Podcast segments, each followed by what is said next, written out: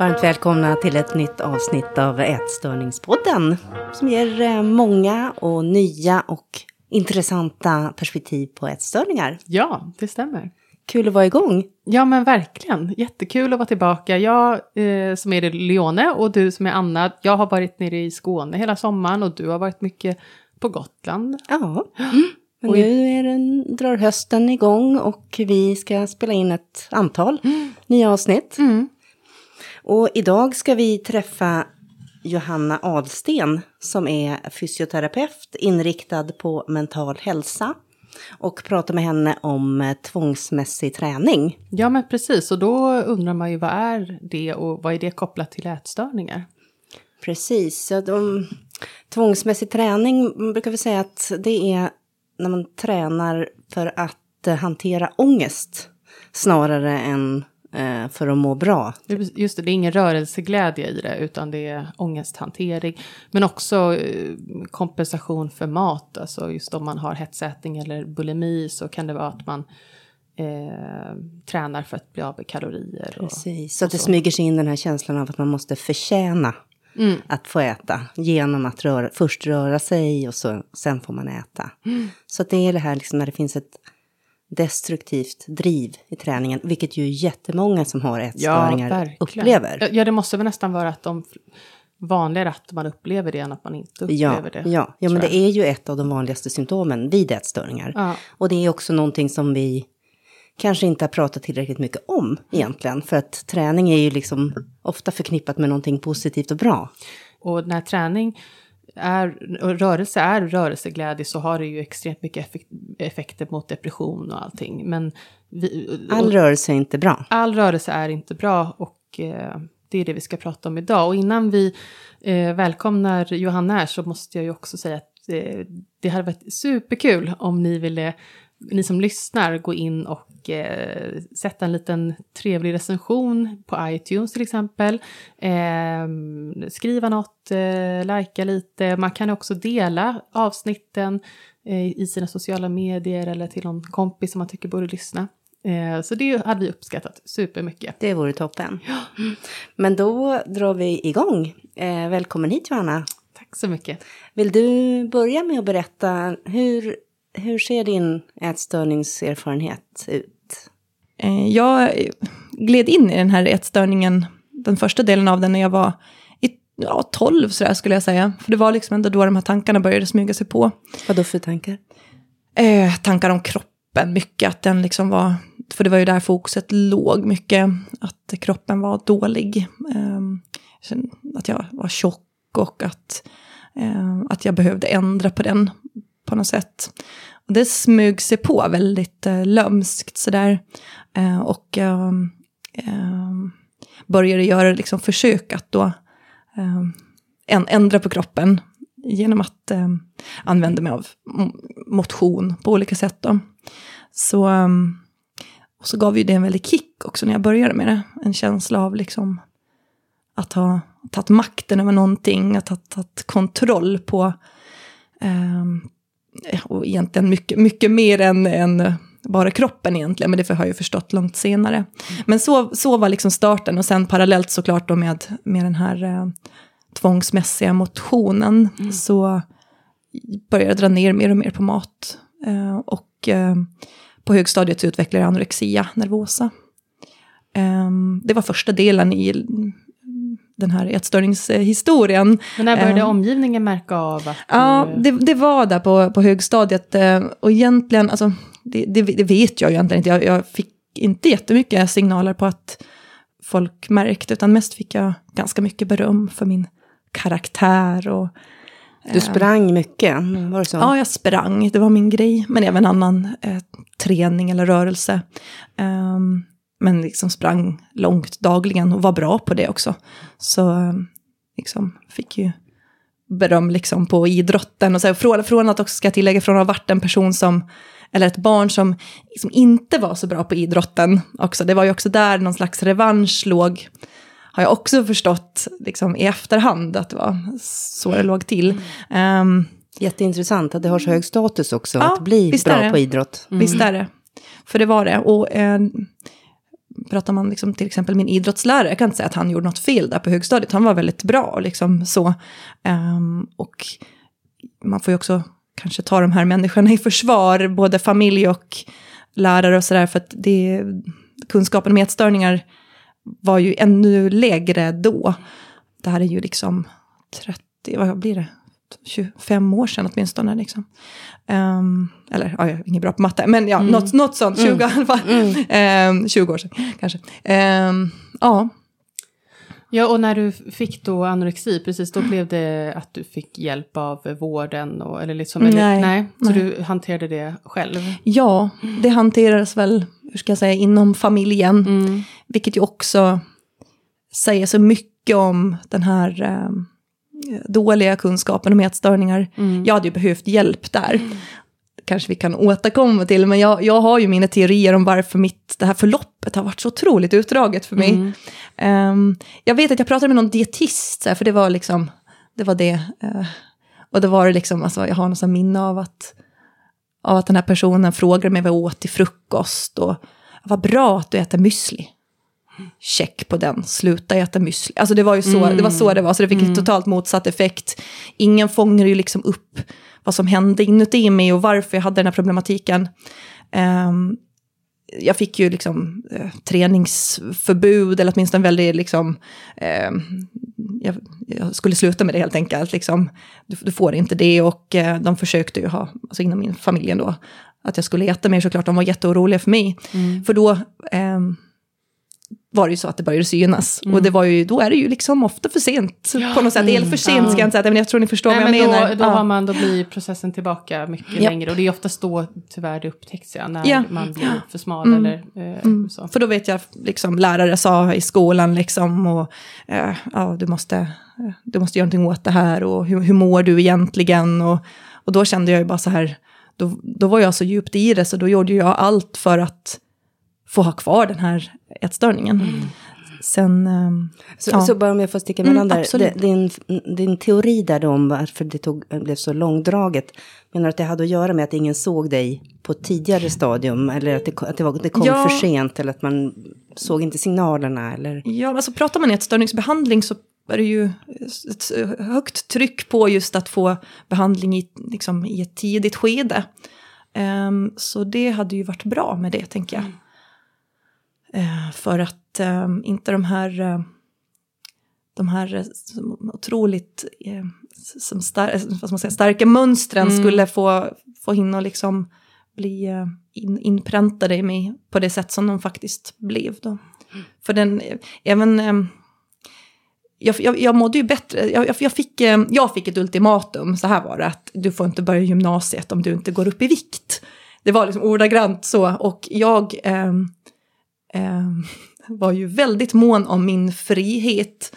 Att jag skulle, det var alltifrån att jag skulle tjäna mina egna pengar, jag skulle vilja gärna bo själv, jag var otroligt bråttom där som 15-16-åring. Eh, så det var ju, det var det som ändå fick mig att, att äta mer. Och det var ju liksom, inte, inte enbart dåligt, för att maten gör ju väldigt bra saker mm. eh, med oss. Men det var ju ingen som så här, ja, men det här som jag vet finns idag, som man pratar om liksom relationen till mat, och så här, det var jag hade fortfarande lika taskiga tankar om min kropp och eh, lika samma eh, ta taskiga ideal om hur en kropp ska vara och mm. så, utan det var ju bara så här, jag äter eh, och jag njöt nog lite grann av den där maten också, så det var inte så, utan det var jag blev kanske lite klarare i knoppen, eh, men mycket av det här fortsatte och fanns kvar. Mm. Um, gymnasiet var rätt okej, okay, men uh, matmässigt, alltså jag åt faktiskt jättebra. Uh, om man tittar så här på, ska man som printa ut den där eh, så här, som en måltidsplan, då ska man, jag tror till och med vi gjorde någon sån läxa så här på, på idrott och hälsa på den kursen då. Och, uh, åh, men du, ja, du äter ju så bra liksom. Mm. Och, och det var det, och det var inte så att det inte rymdes liksom men det var, det var, det var, den var så, det var så skolbok, det var så perfekt, det var liksom så här, nej. Eh, Men träningen då, hur var det, hur gick, mm, hur var det med den, den då? Eh, det var ju dagligen liksom. Och där, där, där har vi den här stora luriga biten i min ätstörning ska jag säga, för att um, jag hade ett, um, liksom väldigt strukturerat uh, tvång på att röra mig. Uh, och jättesvårt att avvika från den planen. Det var dagliga aktiviteter på olika sätt. Mm. Och eh, alltså ett bra exempel tycker jag är när det liksom just blev för jag vet jag stukade en fot till exempel. Jag tror det var första gången jag var skadad på riktigt. Och då var jag liksom, då kunde jag inte, eh, då kunde jag inte springa. Mm. Och då blev det ju direkt att jag drog ner på mat och liksom, eh, alltså det ställde till det så otroligt mycket. Och då gick jag ifrån den här, liksom ändå ganska schyssta, det, det, det ganska bra ätandet som jag hade. Direkt gick jag ifrån det när jag inte hade träningen mm. eller rörelsen. Och om du inte mm. tränade någon dag så eh, precis var det, var det förknippat med ångest? Och... Eh, det hände ju mm. typ aldrig. Nej, just det. det är sorgligt men så, så är det. Alltså det var... Eh, jag, jag, jag, kan inte liksom... Eh, det var ju då när jag var skadad liksom. Jag kan inte, jag kan inte komma ihåg när jag inte gjorde någon, någonting som... Mm. Jag liksom, Även om du var sjuk? Eh. Ja, absolut. Mm. Absolut. Ja. Men, mm. men, men eh, satt det här, ät, för oftast är det ju så eh, som med, med mig också, jag mm. känner igen mig mycket i din bild här att man börjar med att man drar ner på maten och tränar och så får man väldigt mycket positiv feedback från mm. omgivningen mm. och sen så går man runt med en obehandlad anorexi mm. och sen slår det över till en annan form, alltså ja. bulimi och hetsätning och så. Var det samma för dig också? Ja, det mm. var det. För um, jag mådde okej okay på gymnasiet. Men det smög sig på och det hände saker i livet. Och det här är också sådär, ja, vad använder man ätstörningen till? Varför utvecklar man en ätstörning? Ja, för den fyller vissa funktioner. Jag gick till den igen när det blev eh, trassligt med relationer och jag verkligen inte mådde bra. Eh, tredje året på gymnasiet började väl igen. Eh, sen var jag kvar ett år då eh, på min hemort, Gotland, Visby bodde jag då. Um, och jag var kvar där ett år efter gymnasiet och eh, liksom, ser man i backspegeln så är det ju bara liksom att det gick käpprätt utåt verkligen. Mm. Hur, vad, vad hände då? då? Ja, eh, som sagt, livet hände. Um, och um, jag drog in på maten väldigt mycket. Uh, jag vet att jag, jag blev vegetarian. Um, och det där är ju också så en, en het potatis. Mm. För, för um, idag kan jag verkligen se att det inte behöver ha någonting med en ätstörning att göra, men för mig var det så. Det, det, det ja, så blev, var det för mig också, ja. och jag tror att det, det är ganska vanligt mm, där. Det blev ett det sätt. Blev det, det måste inte vara det, men Nej, det kan absolut inte. Vara Men jag tror att eh, just det är ju bara, man vill äta mer grönsaker och kunna mm. ha en mm. ursäkt till det och så vidare. Ja, det, också mm. blir, det blev också ett, ett sätt att liksom ha ett legitimt skäl att tacka nej till mat också. Mm. Och liksom, ja, så det, bland annat det, men eh, jag minns inte riktigt men jag, mer, det var nog kanske mer att jag drog ner på maten än att jag tränade mer just då i den fasen. Så. Men sen så äh, blev det en flytt till Stockholm för jag kom in på en, en, eh, en musikalutbildning, en eftergymnasial utbildning här och var jätteglad för det, för det var liksom min, det var det stora i mitt liv då, att sjunga och dansa och spela teater. Så här, det var det var ju ändå väldigt lustfyllt liksom och en bra del av livet. Men sen blev det ju inte alls så bra som jag hade hoppats på, utan det blev ju liksom snarare så att ätstörningen tog över. Eh, eller det blev också där, den trygga kompisen. Mm, mm. den, eh, ja.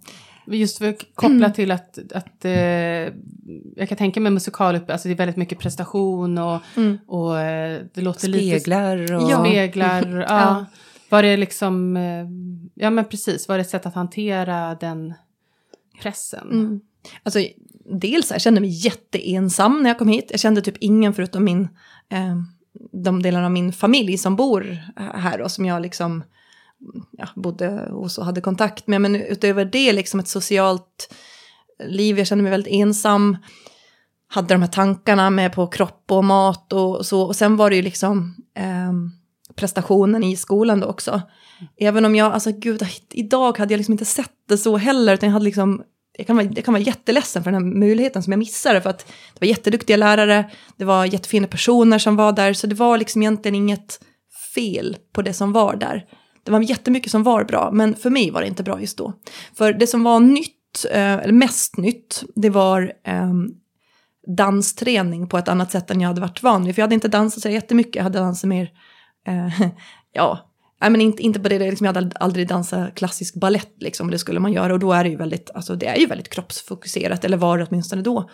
Eh, med tajta kläder och eh, jättestora speglar. Och det var ju ganska mycket träning också, det var ju ja, åtminstone ett par timmar per dag där, man, där jag utsattes för det. Liksom.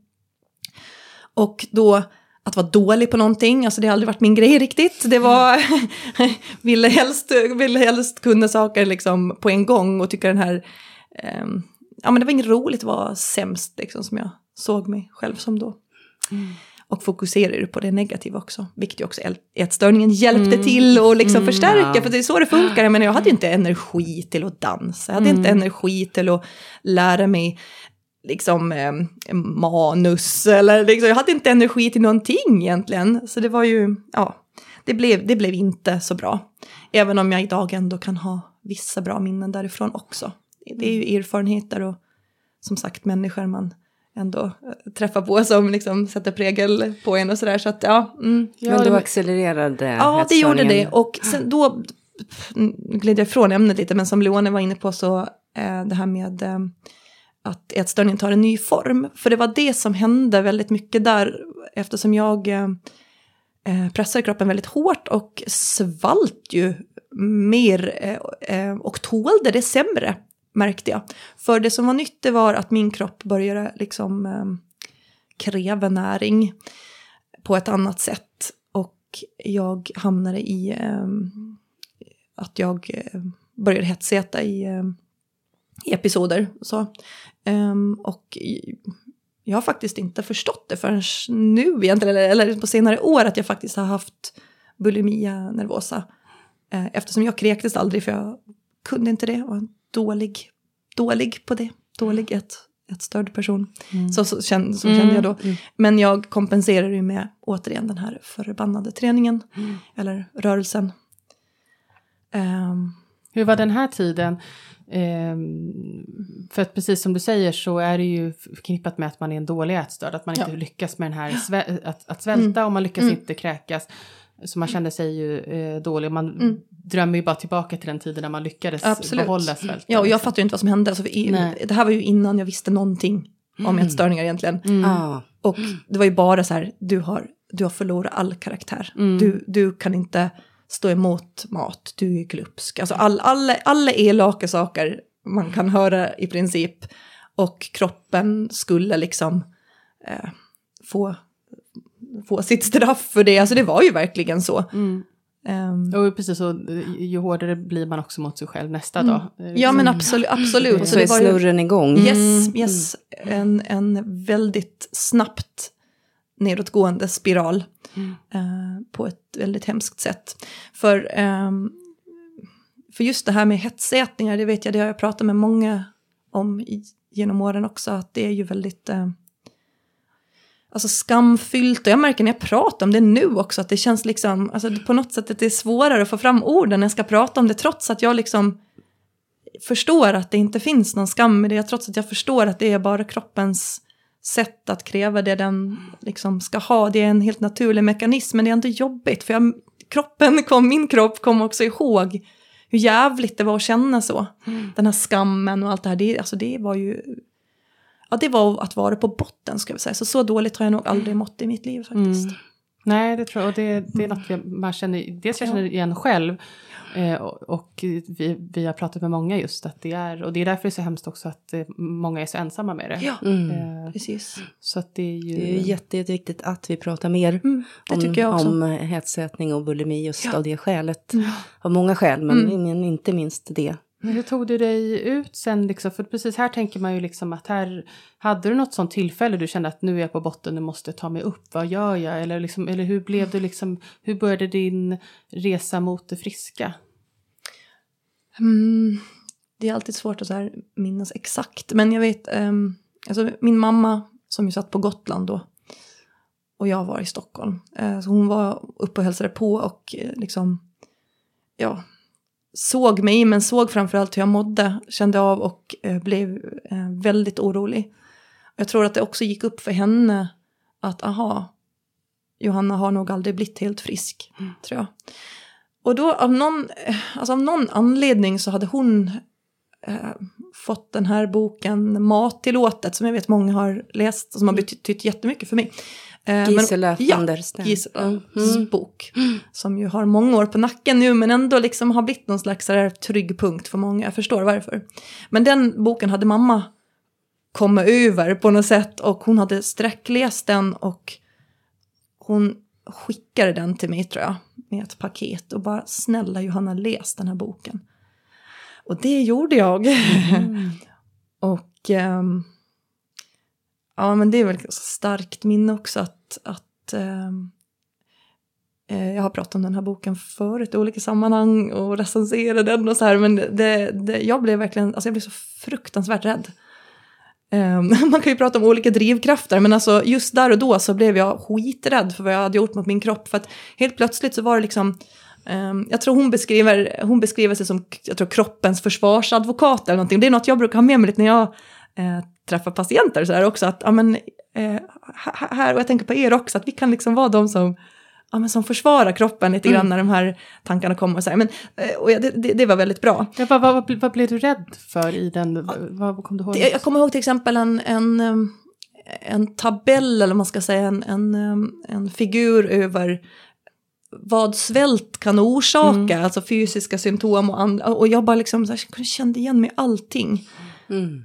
Och, och, helt plötsligt så föll det på plats, liksom så här att jag liksom, har svullna magen och att jag svett svettades på nätterna och inte kunde mm. sova. Allt det här som bara, åh jag är så äcklig. Mm. Du vet, och då, då eh, de sakerna och eh, jag, vet, jag, jag, jag tror jag prickar av eh, fruktansvärt många saker på den här listan. Sår i mungiporna och mm. jag bara, jag bara, det var sånt jag, som jag minns nu. Men det var lite fascinerande också. Men det gick verkligen upp ett ljus. Mm. Att aha, okej. Okay. Jag kanske inte bara har dålig karaktär utan det här kanske faktiskt eh, är någonting som jag behöver hjälp med. Och sen var det ju, den här boken är ju lite speciell också, eftersom det är verkligen en självhjälpsbok. Och jag vill stanna upp bara och poängtera att jag tycker alltid att man ska ta professionell hjälp om man har möjlighet till det. För det gjorde ju inte jag direkt så. Jag var faktiskt hos Gisela några mm, gånger. Ja. Eh, eh, men, men det var ju inte, man kan ändå inte räkna det riktigt, utan jag menar liksom man behöver ju struktur och liksom uppföljningar och liksom stöd. Så. Men, men eh, det var bra, hon var, hon, hon var hon var också jätteläskig tycker jag, för, mm. hon, för hon såg ju rakt igenom en mm. med sin eh, långa erfarenhet såklart och sådär. Så, men det var bra, det var bra att få lite personlig coachning i det. Men jag gjorde ju mycket själv då och åt efter den här måltidsplanen som fanns där, fast framförallt efter principerna liksom att eh, ja, att äta liksom kroppsvänligt tror jag termen är. Den är också väldigt bra tycker jag. Mm. Så mycket i den här boken har följt med mig genom åren. Okej, så då, då började du få liksom lite koll på maten där. Men hur var det med träningen? Mm, eh, dessvärre så såg det väl liksom likadant ut med träningen i stort sett.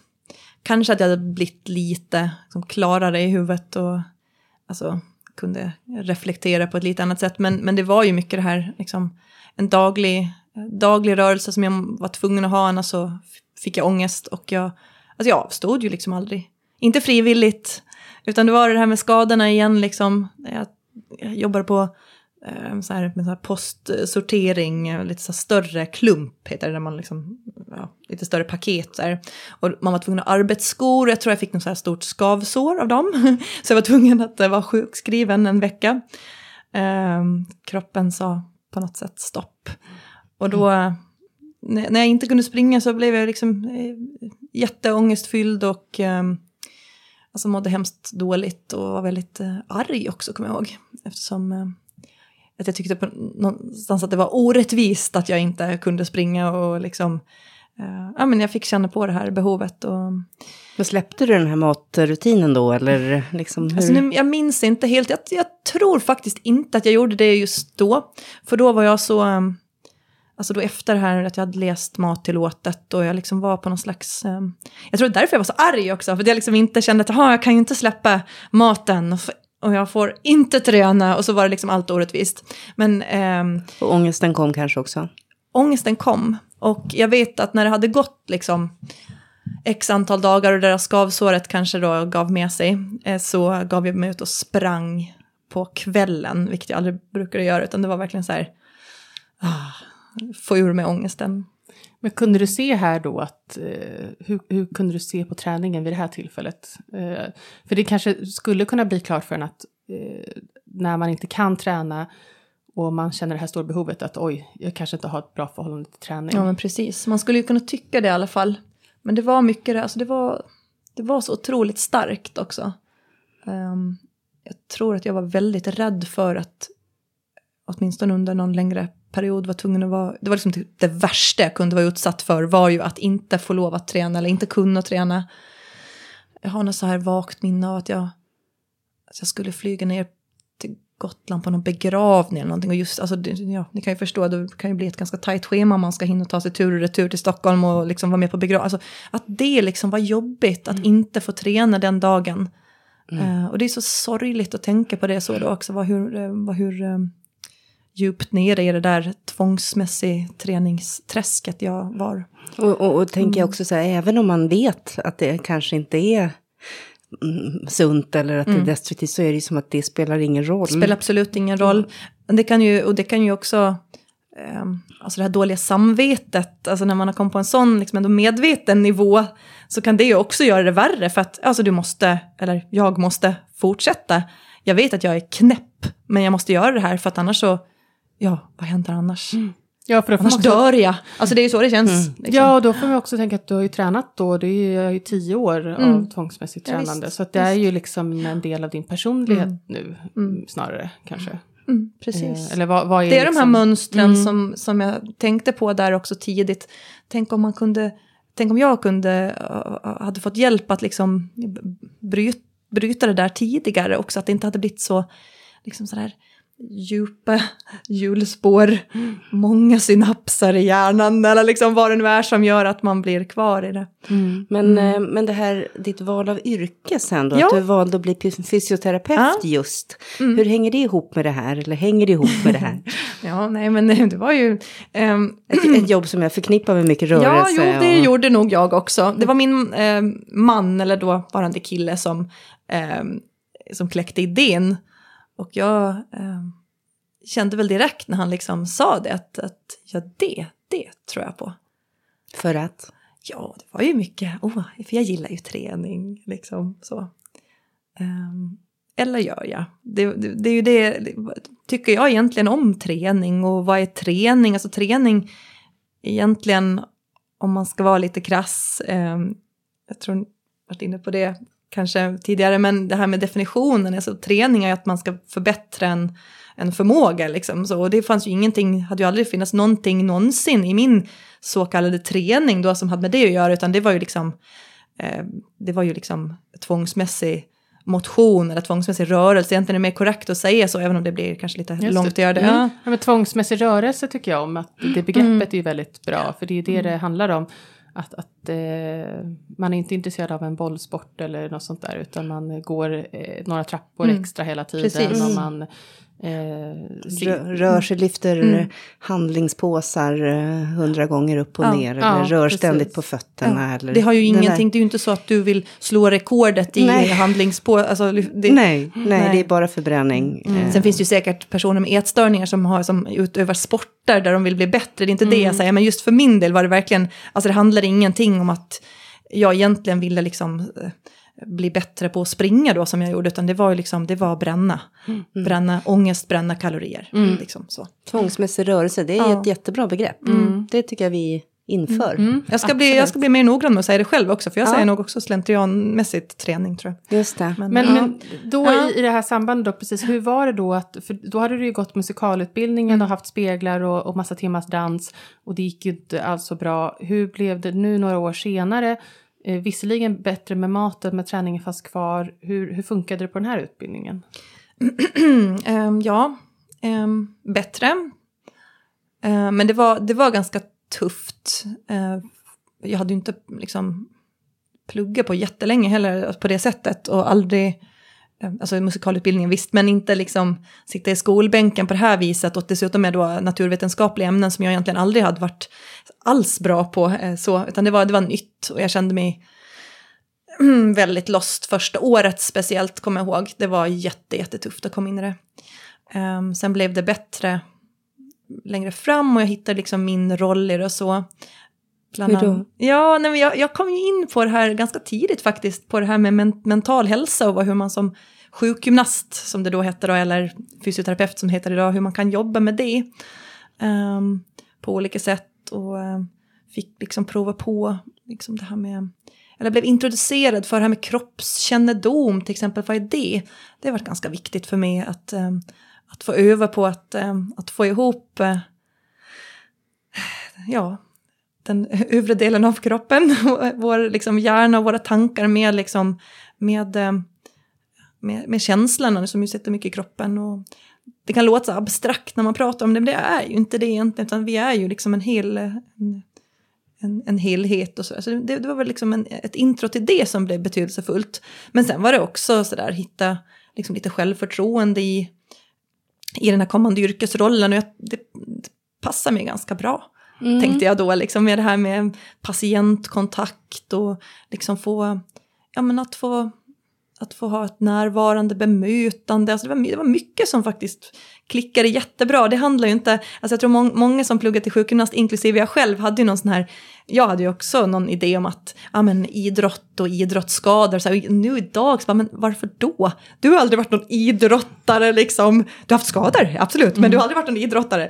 Så, så att det var inte alls liksom det som blev viktigt, men, men eh, du hittar andra ja, liksom, dörrar mm. ut till annat. Men jag föreställer mig ändå att ganska många, det kanske är en fördom, men att många är väldigt intresserade av, av rörelse och hälsa och mm. som, av dina studiekamrater. Hur, mm. hur var det, liksom det för dig att befinna dig i den miljön? Alltså många tränar ju väldigt mycket, eh, inklusive jag själv. Eh, dock så måste jag säga att, att så här, förhållandet till mat bland de här människorna var ju, vissa hade ju ett, liksom, tyckte jag då, oförskämt eh, avslappnat förhållande till mat som jag blev jätteavundsjuk på.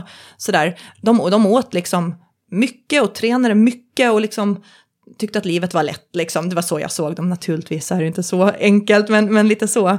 Medan jag då skadade mig igen. Mm -hmm. Mm -hmm. Och, eh, Vad skadade du då? Ja, nej men egentligen, det, det var, jag tror, jag tror faktiskt att det var första året på utbildningen där jag egentligen, alltså man ska kalla det för skada egentligen, för det, det började med att jag sträckte mig, bara liksom en vanlig så här, liksom, mindre muskelbristning, baksida lår.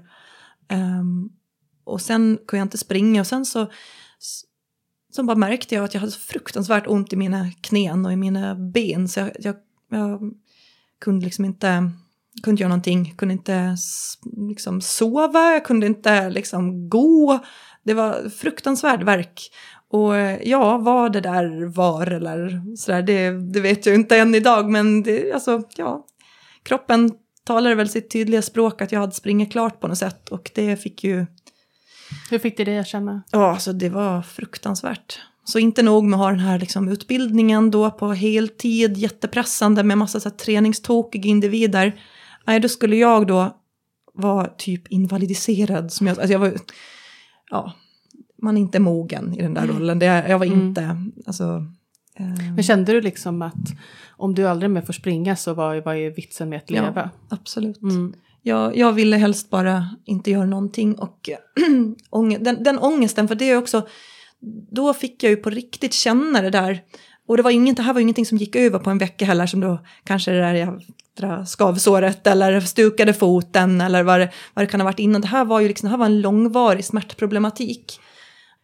Alltså, alltså det ändrade ju allt och jag blev ju liksom, eh, eftersom jag då inte var frisk ännu, så jag blev ju liksom sämre i ätstörningen igen, jag drog in på, ner på maten.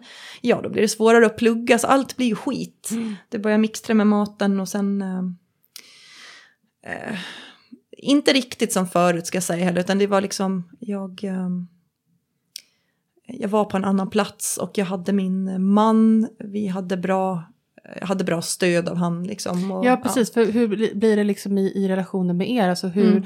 Kunde han se att det här var en sjuklig, ett sjukligt förhållande till träning och, och liksom, hur, eller, eller vad, kunde du dölja det för honom eller hur, hur funkar det där? Um, Alltså, eh, jag tror att jag var ganska lätt att läsa egentligen. Vissa saker absolut lyckades jag nog eh, dölja.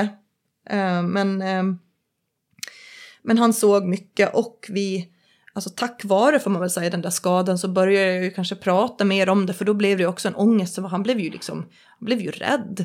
Alltså jag var ju så, det, det, det här, kanske gick det upp för han då också hur, hur illa det var med det där och att det var någonting som jag liksom behövde ta tag i och så. Mm. Så det blev ju också en slags start, även om jag blev sämre så var det ju då faktiskt som jag för första gången på riktigt var, på riktigt riktigt var utsatt för att, eh, ja, jag har aldrig återgått till någon löpning efter det. Det hade jag säkert kunnat gjort, men, men eh, jag har försökt lite grann och så här, men det är inte samma, det, det är liksom, det var färdigsprunget liksom.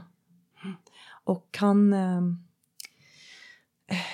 ja, nej, men min man var ett jättebra stöd och det här med relationer är ju viktigt också som ni har varit inne på i tidigare poddar. Mm. Till exempel med David Clinton. Ja, precis. Och, um, ja, hur var det viktigt för dig? Ja, ja vad är det som händer egentligen? Alltså det, man är väl mindre ensam. Jag, jag tänker också alltid att när man kan sätta ord på saker, man kan göra det när man kan bolla med en annan människa, att det blir också att ätstörningen får mindre grepp om en då också, om man vågar säga de här sakerna, om man vågar vara ärlig med att man, ja, så jag får ångest när jag inte kan springa. Det var inte så att jag hade sagt det rakt ut på det sättet, utan det var ju alltid bortförklaringar innan. Och så kanske han såg ändå, men um, och det där har jag använt mig av mer sen också, just så relationer och att kunna prata om om det. Det tror jag väldigt mycket på. Jag tror också det är jätteviktigt mm. att, precis som du säger, att säga det högt. Mm. Hur, hur skämmigt och uh, jobbigt det än kan, mm. kan kännas liksom att ja. säga de här sakerna så Verkligen. är det ju en otrolig lättnad att kunna göra det. Men la du av med träningen helt då? Eller liksom, vad, vad hände med träningen? Ja, där? man skulle ju kunna tro att liksom, tåget har tuffa klart nu. Att vi är inne på liksom... Uh, Lyckligt slut med, ja, man, med man och Men allt, liksom. ja, nej det var inte riktigt klart än. Utan um, jag började på gym. Och kom, för jag kom på då liksom, alltså den här ätstörda hjärnan eller liksom tvångsmässiga alltså det suget efter liksom, rörelsen då på något sätt, eller ångestlindringen som du gör, eh, den tog mig till gymmet. Så jag kom in där i liksom... När du inte kunde springa ja, så gick det dit istället? så hittade jag andra vägar och styrketräning och jag vill inte tipsa någon liksom eh, ordagrant men alltså jag tror ni kan tänka er och många andra också, de här jädra maskinerna liksom som man kan stå och trampa på länge, länge och dessutom är kaloriräknare och som inte säger ett jädra skit egentligen. Men alltså mm. det, det, var, det blev det där istället. En ny tvångsmässighet, det här lömska men ändå liksom ja, rörelsen är med där också. Kunde du liksom lura dig själv då lite som att ja men det här är inte lika tvångsmässigt att gå på gymmet som att springa eller var det? Oj, jag vet inte. Nej. Alltså, jag, jag, vi är kanske inne i det där med skam, skammen dels och sen också det här alltså ätstörningens grepp om en också, att man inte, man vill ju inte att någon ska ta det ifrån en, det är ju liksom mardrömmen. Så att ätstörningen, eh, eller jag hittar en ny väg, eh, ja, eller ätstörningen, man får, det mm. beror på hur mycket man vill lämna över, men, men det, ja, det blev ett nytt sätt i alla fall att, eh, att fortsätta liksom röra sig.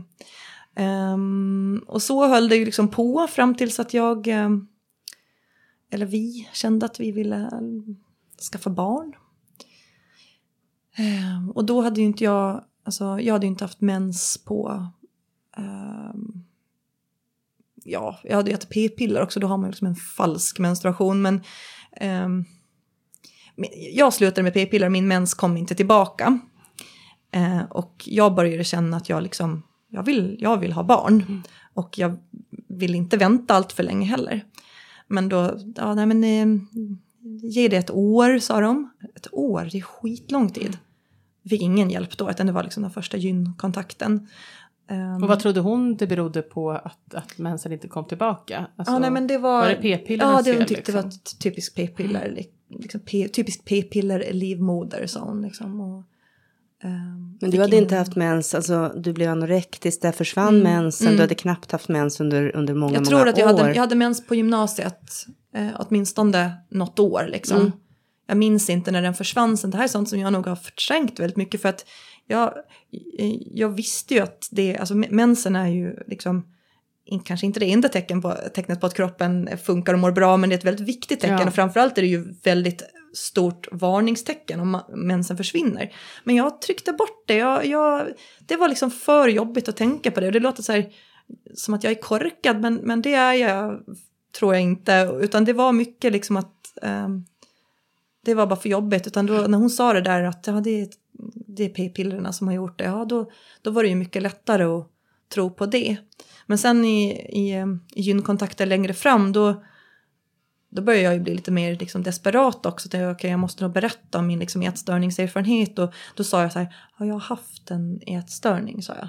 Ja men det är, det är ingenting, det har ingenting, det, du, du är normalviktig, det ska inte spela någon roll. Så okej. Okay. Mm, så det var ingen som fångade upp nej, det? Nej, det var det inte. Och jag var ju, alltså okej, okay, jag, jag, jag, jo, jag hade nog normalvikt liksom. Men det säger ju ingenting om, om liksom, eh, hur, hur min liksom, eh, fertilitet eh, funkar eh, just, eller funkar just då. Utan jag var ju liksom... Eh, nej men jag fick, in, jag fick ingen bra hjälp där i början utan det, de, de, de, negligerade det tycker jag. De, de eh, verkar inte så kunniga. Nej, och det, det, har ju vi när vi har intervjuat för Mamma mätstörning så har ju vi, jag tror det var Elisabeth Wenz, professor i Göteborg, som nämnde det att personer som har haft anorexi och så vidare som kommer upp i vikt men de blir ändå inte gravida eller får ändå inte igång mensen och det är ju på grund av att de har mycket muskler som väger men lågt fettprocent. Mm. Så att de är ju liksom, man är, det är ju för lågt fettprocent fortfarande även fast du kanske väger tillräckligt mycket så, så, har inte, så måste man ju öka i fett också liksom. Eh, Absolut. Eh, och, och, och just, för då sökte du dig till en IVF-klinik då? Ja, eller så här, först på så här fertilitetsutredningen ah, okay. då. Mm. Och eh, det var ju liksom ingen där som sa så här eh, rakt ut bara du måste äta mer och mm. träna mindre. Men det var vad jag hade behövt höra. Mm. Alltså verkligen, det kan låta så här banalt men det är verkligen, det hade, det hade nog ändå gjort mycket. Eh, lite längre fram så vet jag att jag träffade en, en gynekolog som ändå var inne på det lite, lite, så, men då hade jag kommit så långt som att jag redan skulle ha ägglossningsstimulerande liksom. Mm. Så då var det inte, för det här är ju sånt som Alltså det gick ju, allt fanns. Eh, det var ju bara, jag hade ingen mens liksom. Men det är alltid bra, du har massa ägg och det här, det här kommer gå bra liksom. Ehm, och ehm, så då fick jag ju hjälp med det. Men, men, men då om jag ska mm, liksom mm. sammanfatta här. Att du, du sökte hjälp för att du inte hade någon mens. Mm. Man såg att du hade eh, massor med ägg, mm. allt såg jättebra ut. Du mm. vägde normalt, men mensen kom inte igång. Men ingen kopplade samman det nej, med din tidigare sa, ätstörning. Nej, fastän jag sa rakt ut liksom. Um, och det var ingen som frågade så här, hur mycket tränar du, hur ser dina ma liksom, hur äter du, eller som förklarar någonting om liksom, kvinnliga könshormoner och fett och liksom, eh, alltså bara liksom, underhudsfett, det är en ganska bra, ganska bra grej om man vill bli gravid liksom. Det var ingen som, ingen som, som eh, Ja. Men det där tycker jag att, alltså det, det återigen i boken så får vi veta där att på IVF-kliniker så är det ju väldigt många fler som, som söker sig dit som egentligen som har haft en ätstörningsproblematik och som är för låg fettprocent och så vidare.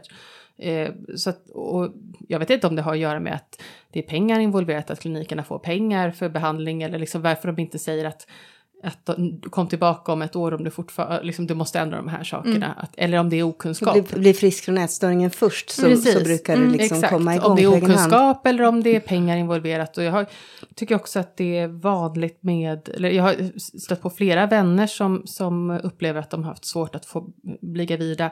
Och så, så deras livsstil är ju liksom att de äter extremt strikt eh, LCHF eller någon diet och de tränar eh, ja, väldigt tvångsmässigt också, mm. men de tycker kanske inte själva att de är ätstörda. Eh, för de, de, de, de, tycker bara att de är väldigt hälsosamma ja. och så, så, ser, så har de svårt att få barn och så, så kan mm. man ju se på dem att ja, men hade du tagit det lite lugnt och liksom, sett dig i soffan och ätit lite chips istället mm. liksom, så kanske du kommer gå. Mm. Eh, det känns som att det är något mm. Mycket okunskap eller var det Ja, här? okunskap och sen också det här, ja, om man då ska prata om det, men det är att störda samhället liksom att det är mm. så, de här, det, det finns ju en, en väldig norm och liksom man blir ju lätt väldigt belönad när man mm. håller på med de där beteendena för det är så det, är så det ska vara. eller liksom det är så, inte så det ska vara men det är så um, Ja, men man, man lever... det är fint på något ja. vis. Liksom, eller, Jo, men ja. alla budskap vi får om träning och motion så det är ju att vi bör röra oss mer. Ja, det är ju ingen som varnar, liksom. det är ingen som går ut så här, och se, liksom, var, var rädda om er eller liksom, vill, du, vill, vill du bli gravid, tänk på det här. Det, det är ju inte... eh, Nej. Nej, snarare är det tvärtom, att Ja. uh, ha- gå inte, var inte för överviktig. Och, det, och det har jag också fått hört. Mm, mhm. Nej, för, för att, jo men det var ju liksom utredning där, fertilitetsutredningen var ju det här med eh, liksom eh, PCO och PCOS och liksom de här, vilket jag liksom, jag, jag, jag, jag har ju liksom, det finns ingenting i mig som har någonting med det att göra, det är väl också lite så slaskdiagnoser kanske, men, men eh, eh, ja men, nej, men för det är bra, du är inte överviktig i alla fall, liksom, och det var bara det, liksom, men hörde ni nyss vad jag sa? Det säger man inte, för jag satt där och jag vill bara ha, jag vill bara ha ett barn, liksom, det var ju lite så, man är inte så kaxig i den rollen. Eh, Utan det var, nej men som sagt kun- kunskapen kändes inte jätte, ehm, inte jättebra där. Men det, det här är ju otroligt viktigt liksom att träning är ett, ett väldigt vanligt och eh, symptom som hänger kvar Mm. länge, länge i tillfrisknadsprocessen. Och som, ja men du hade väldigt mycket under kontroll men inte fortfarande så hade du det här tvånget. Ja, och om, alltså, om man ska fundera kring så här, var, det, var det träningen eller var det maten? Vilket var det som liksom gjorde att du inte kunde bli gravid? Liksom? För jag, jag har ställt mig själv den frågan och jag, jag vet att det handlar om båda. Alltså det, det gör verkligen det. Ehm, men jag tror kanske att eh, maten var på sätt och vis lättare att fixa. Varför det? Jag vet inte. Alltså det är väl kanske alltså fler anledningar. Det här eh, att det, att det ger en sån eh, liksom kick eller ångestlindring eller att det är ett sånt ehm, bra sätt att hantera ångest på också. Det kan vara rutinmässigt och det är, och det är verkligen det. Alltså jag då som fysioterapeut, jag vill ju liksom absolut säga att man kan absolut använda fysisk aktivitet som ett sätt att liksom må bra eh, mentalt. Absolut, det är mest därför jag rör mig nu för tiden ska jag verkligen ärligen säga. Men, men det, det är, eh, man kan inte ha det som sin enda ångestlindring. För då blir det inte bra. Då är, då är du liksom, då är du rykt när du får en skada eller när du ska åka på en begravning och bara vara borta en dag. Ja, det, man, man, man behöver andra sätt också. Eh, och, och kroppen tycker jag också, så det handlar liksom lite om respekt för kroppen också, att kroppen ska, kanske, man kanske inte alltid ens känner för att röra sig sådär på det där sättet som man har bestämt heller. Det är också viktigt tycker jag, det är liksom det är respekt och att lyssna in och eh, liksom, det kan gå åt båda hållen, tycker jag. Men, men sen blev du gravid eh, Ja. till slut då? Det gick ganska lätt. Ja. Alltså allt fanns på plats. Eh, Jag fick ägglossningsstimulerande, tog någon spruta i magen och sen eh, med första barnet så blev jag gravid på första försöket. Ehm, med min an- liksom inför min andra graviditet, det var då jag träffade den här gynekologen som såg mig, tror jag. För hon sa, nu, jag tror att till och med hon drog lite grann om det här med liksom underhudsfett och liksom fångar upp för att eh, jag gick ner lite i vikt efter första barnet, vilket ju liksom vissa gör. Ehm, jag gjorde inget särskilt för det, utan det var väl kanske mer amning och så vidare. Men, men det är ändå jättebra tycker jag av henne att hon fångar upp det och liksom inför det här nästa. För hon sa också så här, nu är det, nu ser jag att nu är det en ägglossning på gång. Du skulle, jag tror att det här skulle kunna bli utan spruta. Vi tar en spruta för säkerhets skull om du vill, sa hon. Ja, det vill jag, för jag ville. Alltså, jag, jag, var, jag, vet, jag var så rädd att mista en möjlighet. Och då, eh, tror det var andra försöket, så gick det där också. Så. Men hur var det med träning under graviditeten då? Med första barnet så, eh, jag måste tänka efter, ja men då var jag fortfarande lite så här, jag, jag råkade ju ut för någon eh, liten sån här, eh, jag brukar ju kalla det för så här den sista, liksom, sista, biten, sista biten som jag tog tag i. Då var jag också skadad igen där då med en, jag tror det var en ny sträckning baksida lår som jag också hade fått av så här, något väldigt extremt litet jag hade gjort. Och då var jag också bara, jaha, nej. Men kroppen tycker inte att jag ska hålla på med det här just nu. Och då, eh, magin där var ju också att då, eh, det var i samband med fertilitetsutredningen. Jag förstår att det här blir rörigt, det är rörigt för mig också. Jaha, nej, jag jag, hänger med. då, det var i samband med liksom, den senare biten där och jag fick liksom, eh, vi började, det började liksom, de började bädda för att nej, men du, du kommer kunna få de här eh, grejerna så kan du bli gravid. Eh, och då eh, var det också något tror jag som gjorde det lite lättare att bara vila i det och jag kommer få hjälp med det och då var det lättare att nej men jag behöver inte hålla på med det här och eh, liksom jag, jag tror jag skulle kunna hängt på gymmet men jag gjorde inte riktigt det utan jag rehabtränade lite grann och liksom cyklade lite försiktigt, gjorde lite så grejer för mitt ben och liksom transporterade mig som, som vanligt och så här. och sen blev jag gravid och då Alltså då gjorde jag bara vad 17 som föll mig in. Det här är ju liksom, med mitt första barn, jag har aldrig mått så bra i hela mitt liv. Det var fantastiskt mm. att vara gravid med henne. Hur då menar du? Nej men det, alltså jag, jag älskar min kropp. Mm. det var, det var så här, det, jag tror också att, eh, ja, allt handlar inte om hur kroppen ser ut heller, utan det är liksom så här, um, och jag varnar lite för det här också, för att, för att det kommer ju ett efter när barnet är ute. Men just så här var det för mig i alla fall, att jag kände liksom att, jag, att kroppen gjorde någonting som var bra. Den var till för någonting, något nytt som jag liksom inte hade upplevt förut. Jag tror säkert att ni känner igen det som har gjort en hel bok om mm. det här, men, mm. men så, så var det för mig. Och, och ähm, jag mådde, och jag mådde bra också, liksom, sådär, jag mådde inte så jätteilla, det var någon kort period och jag kände mig liksom väldigt tillfreds och harmonisk och förväntansfull och mm, orolig visst och sådär, men, nej, men det, det, det var en, en jättefin period. Um, ja. Men, precis, för det, det, det, känner vi igen från, från vår bok att, eh, att eh, det, kan, det kan bli liksom så att man får en paus från mm. sin ätstörning mm. och kroppen har ett syfte och, mm. och, och man får liksom, mm. men sen så den största risken är ju sen när barnet mm. har kommit ut. Och det var det som blev så himla bra för mig också för att eh, jag, jag, jag, var, jag var frisk där. Ah. Så det blev rätt bra efter också. Mm det var snarare, det var, det var nytt allting. För jag var ganska, ändå ganska, jag tror jag, jag tror jag var 32 när jag fick första barnet. Säg att jag var liksom, eh, att jag betraktade mig som frisk ändå när jag var liksom 30 plus lite där. Så var det, jag var väldigt nyfrisk ändå, tycker jag. Och um, det var... Um, ja, man är ju...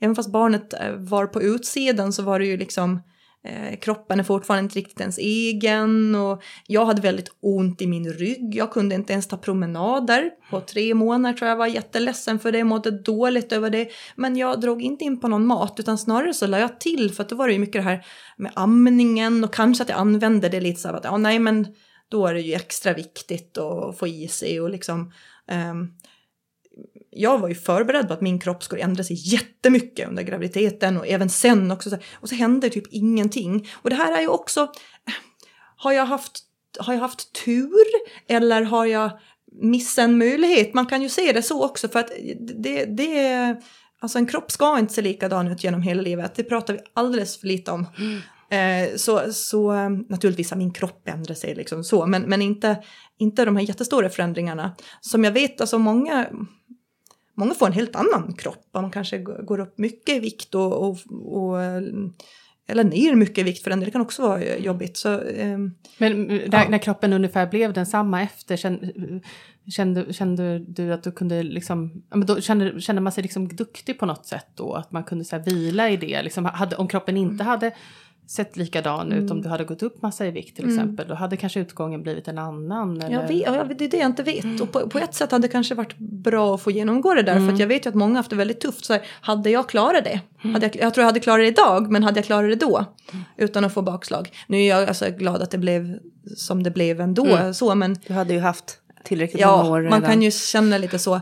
Men, men eh, däremot så ska man ju vara medveten, eller jag, jag och eh, andra ska vara medvetna om att man har liksom ett privilegium i att, att uh, vara smal, även i den här rollen och att, att det kan vara liksom så här, eh, ja, att det var så himla härligt för mig och så här, det kanske var för att jag inte blev utsatt för en massa tryck från mödravård eller liksom, jag vet mm. ju hur folk kan ha det, alltså jag har också pratat med liksom uh, uh, Vadå menar du, behöva gå ner i vikt? Ja, och, så? ja. och lite, mm. lite där, för det där, jag, jag har ju alltid bara, och det har ju stört mig väldigt mycket, men alltså att, man, att jag kom dit, eh, jag tror det var mest för min andra graviditet och tror jag, jag vet att jag har fått kommentarer i alla fall av barnmorska, jag tror det var en vikarierande, dock det var inte den jag hade, men så här liksom, eh, ja men fått fått kommentarer om kroppen, att eh, du, du har så bra vikt och det är liksom som och också då indirekt att det är så dåligt med de som är så och så.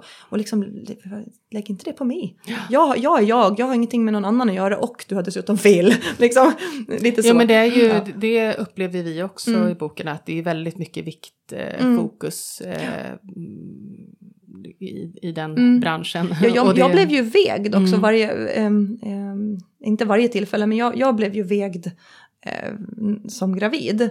Och, och, och, det förstår jag, alltså det, det kan väl ha sin poäng att man gör det liksom. Men, ja, fast men, det är nog inte så jättestor poäng Nej, men jag känner lite så mm. också. Eh, nu, nu, nu, var inte det så jättetriggande för mig, jag brukar faktiskt inte kolla. För jag, jag väger mig inte, det, är inte jag, alltså det har ingen, den, en våg har ingen plats i mitt liv. Andra får göra som de vill, men jag, jag känner verkligen inte att det ger inte mig någonting. Men jag tänkte så att om de av medicinska skäl behöver göra det här så låt gå då. Mm. Men, men det är också där hade jag också återigen saknat lite så här, jag hade sagt att jag haft ätstörningar, kan man kanske liksom mm. fånga upp det lite grann, är det här okej okay med det? Eller liksom, jag tror att kanske att en av dem gjorde det, men det ändå det flyter ut, det är ingen ja. som tar det riktigt på allvar tycker jag ändå. Det, nej. nej, det känns som att det mm. verkligen eh, mm. saknas mycket. Och samma där med träningen och det också, att man liksom skulle kunna fånga upp lite så här hur, hur, eh, hur förhållandet eh, till, till, träningen är och hur, eller motionen, rörelsen och liksom det är ju bara åt andra hållet. Mm. Ja, du, du rör dig så här, du, du ja, ja, de uppnår våra rekommendationer. Ska... Ja, ja, det är jättebra. Ja, eller är det det? Är det, ja, det, men det, är, det är ju jätte, jättebrist mm. har vi ju sett också. Mm. Att, eh, att eh, man har ju blivit bättre på att screena för alkoholproblem och så vidare. Men, men eh, just den här biten så mm. finns det ju fortfarande jättemycket kvar att göra. Mm. Men, men hur, hur idag då? Hur, hur, nu som, som frisk, betraktar du dig själv som frisk idag eller hur, vad, är, vad är din status idag? Jo men jag skulle säga att jag är frisk. Mm. Sen så är det väldigt spännande tycker jag för att även fast jag betraktar mig själv som frisk så tycker jag att, att jag når nya insikter så här för varje år som går. Och det är också för att det händer så mycket positivt också tycker jag. Apropå relationer och kontakter och att det, det, det händer mycket spännande inom området ätstörningar också. Eh, sen kan det vara så att det är negativa händelser runt omkring och vårdköer och tråkiga saker så. Och, eh, ett ätstört samhälle, men i det här ändå så tycker jag att jag liksom har hittat min plats och jag, eh, apropå det här med kroppen och, och relationen till rörelse, så den, det är ju helt fantastiskt vad bra det kan bli. För eh, eh, som frisk så är det ju liksom du sa det nästan ordagrant, det där som jag också brukar, brukar tänka så här med, med rörelseglädje.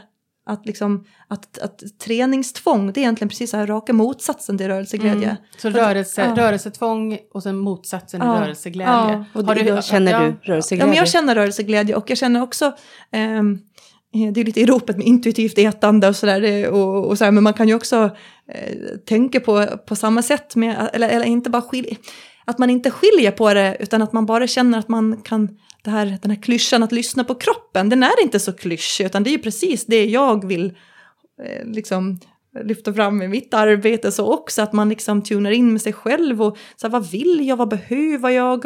Eh, sen, sen är det ju inte liksom vattentätt kanske, det kan vara bra att kanske bestämma att ja, men jag, jag brukar gå en promenad så här, för då vet jag att jag brukar må bra resten av eh, dagen om jag gör det här. Eller, eller så jag äter regelbundet såklart och utgår ifrån det. Men i det här så finns det utrymme för en, en flexibilitet också. Den här promenaden, men ibland kanske, oh, jäklar vad skönt att vara ute och gå idag, idag blir det en lång promenad. Eller, eller tvärtom, att idag kom jag ut och sträckte lite på benen runt kvarteren, men jag, jag orkar inte mer, det här är inte vad jag behöver just nu. Men jag kom ut en liten stund och fick känna vad kroppen vill. Mm. Likadant som med maten, man har ju sin måltidsordning men du kanske inte är sugen på exakt samma grejer varje dag. Eller liksom, ja men att, eh, så, så filosoferar jag mycket och det tycker jag är så spännande. Det att kroppen, tycker jag var ja. superbra sagt verkligen. För att eh, det är ju så lätt att hamna i det här svartvita också. Att man ska göra precis som man har bestämt. Och att istället mm. försöka hitta de här grå skalorna. Mm. Jätte, mm. jättebra. Tillåtande tycker jag. Det är himla skönt. Jag brukar försöka vila lite i det också. När, eh, ja, när det behövs. Mm. Tack så jättemycket Johanna för att du ville komma och och berätta om eh, din eh, resa från sjuk till frisk. Det är väldigt eh, härligt att se att det slutade så bra. Ja, verkligen, jätteroligt att du kom. Och vi vill också ändå rekommendera din blogg, Mm. återhämtningsbloggen. För där skriver du väldigt mycket om de här frågorna. Ja, eller har, har gjort, Har gjort, men tidigare under året. Den ligger kvar, ja precis. Den var mer aktiv förut, men just nu så ligger återhämtningsbloggen som ett eh, vilande arkiv. Mm. Eh, där, där mycket av det här också, som vi har pratat om idag, Mm, finns. Så man får gärna gå in och läsa om man vill. Och det dyker säkert upp något inlägg lite då och då. det hoppas vi. Mm. Tack, Tack så ska du ha. jättemycket. Tack så jättemycket för att jag fick komma, jättekul. Tack. Tack.